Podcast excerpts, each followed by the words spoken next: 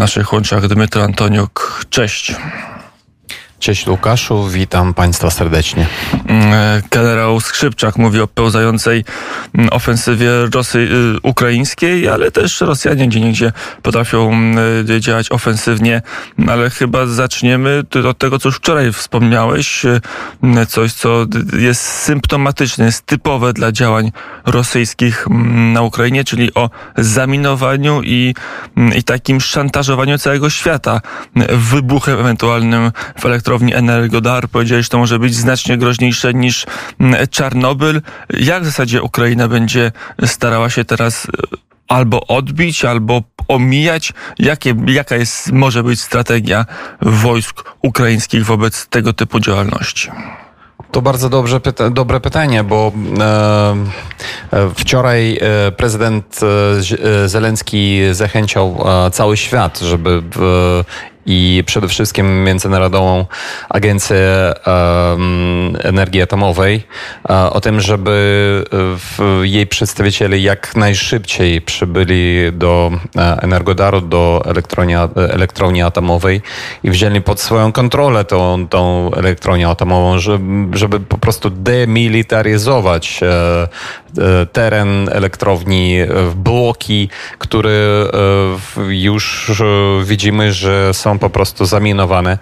No i e, to jest już nie, nie ma żadnych e, wątpliwości, że to jest szantaż. Natomiast i wczoraj było bardzo głośno, e, ten temat był bardzo głośny w naszych mediach e, i niektórzy eksperci mówią o tym, że to tylko e, jest szantaż i tylko blef e, ponieważ jeżeli Rosjanie wysadzą w powietrze chociażby jeden z tych bloków, to będzie poważne zagrożenie nie tylko dla Ukrainy, a i dla okupowanego Krymu na przykład, e, dla okupowanego Don Donbasu i dla całego rejonu Morza Czarnego.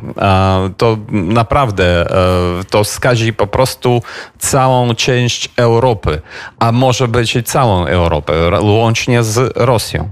No, także niektórzy uważają, że to jest blef, chociaż ja e, nie byłbym aż taki, e, no, nie byłbym taki. Takie, takiego zdania. Ja myślę, że od e, Kremla można oczekiwać absolutnie wszystkiego e, i trzeba być bardzo ostrożnym. Ta, dlatego działania naszego wojska e, w, w tym w, zaporożskim obwodzie okupowanym muszą być no, super akuratne, tak naprawdę.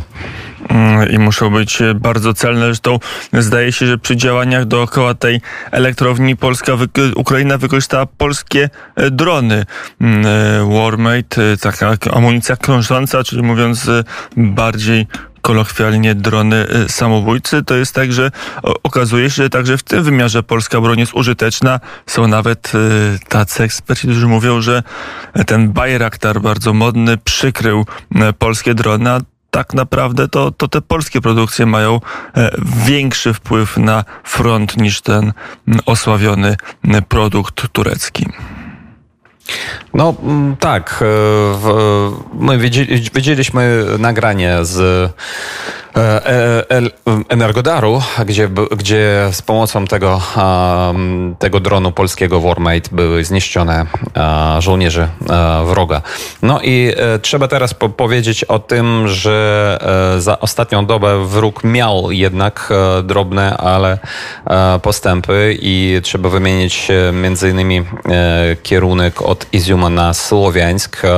Odbito z powrotem przez wroga w miejscowość e, Dowhenke oraz miejscowość Pasika. To jest niedaleko od e, Siewierskiego Dońca, niedaleko od e, miejscowości Bohorodyczne. I też widzimy, zgodnie z danymi z Deep State Map, widzimy, że pobliżu od Wuchledaru, to jest obwód doniecki, bliżej już do Mariupola, Tam też wróg nieco polepszył swoje pozycje. No i ciągle próbuje atakować w kierunku Bachmutu. Bachmut wydaje się być najważniejszą teraz celą tej ofensywy rosyjskiej na e, Donbasie. Mm, trzeba też e, powiedzieć, że oni chociaż powoli, ale zbliżają się do tego miasta niestety. I też widzimy to zgodnie z tą mapą i donoszą to e, inni wojskowi eksperci. Mm, bardzo ciekawa sytuacja jest na południu i w wszyscy mówią, że w tej e, fazie, na tym etapie e, tej wojny to będzie decydujące to, co odbędzie się na południu Ukrainy, e, a zwłaszcza jako w obwodzie zaporożskim, tak i w obwodzie hersońskim. My widzimy już, że wróg przerzucił na obwód zaporożski w w rejon miasta Tokmak i miasta e, Melitopol, miasta Wasylivka. Dużo e, sił i być może nawet szykuje się do ofensywy w kierunku Zaporoża, żeby za, zabrać Zaporoże, okupować Zaporoże. Wi, widzimy też, że wróg przerzucił dużo sił na prawy brzeg, na, na prawy brzeg Dniepru w okupowanej części hersońskiego obwodu i próbuje nawet e, atakować tam e, nasze pozycje. Jak mówiłem wczoraj, e, ma, mała miejscowość e, na północny zachód, na północny wschód, przepraszam, od e, Hersonia e, znów jest okupowana i próbują też atak atakować nasz przyciółek pod E, rzeką Inhulec, bardzo ważny przyciółek dla naszego wojska. I e, też e, szykują się, widać, żeby iść w kierunku Mikołajowa. Wszystko to wskazuje na to, że e, tutaj na tej, w tej części Hersońszczyzny wróg e, szykuje się do wielkiej ofensywy. Albo w kierunku Mikołajowa, albo w kierunku Krzywe, e, Krzywego Rogu osta za ostatni czas wszyscy mówiliśmy o tym, że tam szykuje się ofenzy kontrofensywa ukraińska, a tutaj widzimy, że w, wręcz przeciwnie. A, także jesteśmy wszyscy, wszyscy trochę zaskoczeni tym wszystkim i zaskoczeni dużo tym, e, dlaczego w, e, my pozwalamy w ogóle wrogowi wchodzić na tą część e, Hersonszczyzny, na prawy brzeg. No, ale wojskowi eksperci mówią o tym, że e, to robi się dlatego, że tutaj decydującym będzie zaopatrzenie tego, tych sił, tych wojsk, których wróg ma na tym prawym brzegu.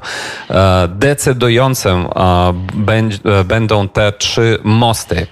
Antonowski, kolejowej oraz samochodowej i most e, w Nowej Kachowce, który zresztą wczoraj znów e, był ostrzeliwany e, przez wojsko ukraińskie.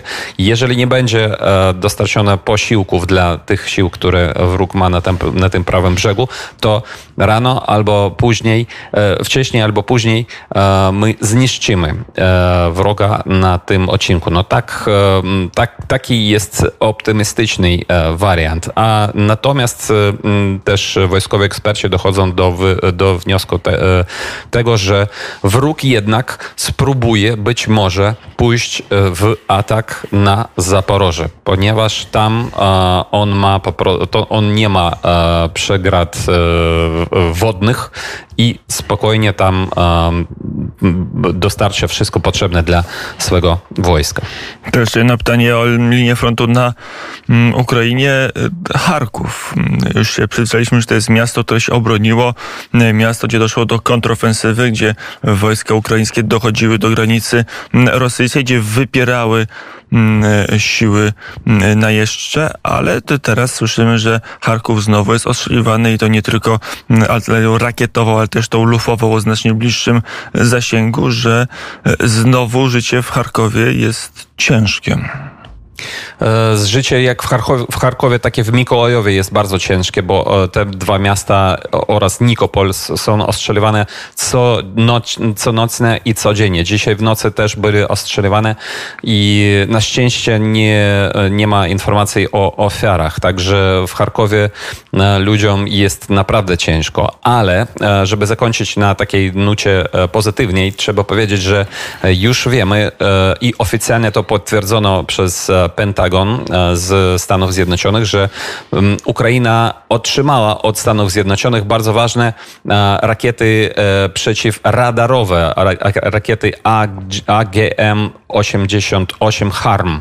I widzimy już, że 5 za odcinek czasu z 5 po 7 sierpnia aż 14, 14 e, e, mm, e, tych wyrzutni rakietowych typu S-300 i S-400 oraz radarów były zniszczone tymi typami rakiet. I to jest bardzo ważne dlatego, żeby działało nasze, nasze lotnictwo już spokojniej i, i to też umożliwia w perspektywie ofensywę Ukrainy e, na południu. Powiedział Dmytro Antoniuk prosto z Kijowa. Dziękujemy bardzo za korespondencję.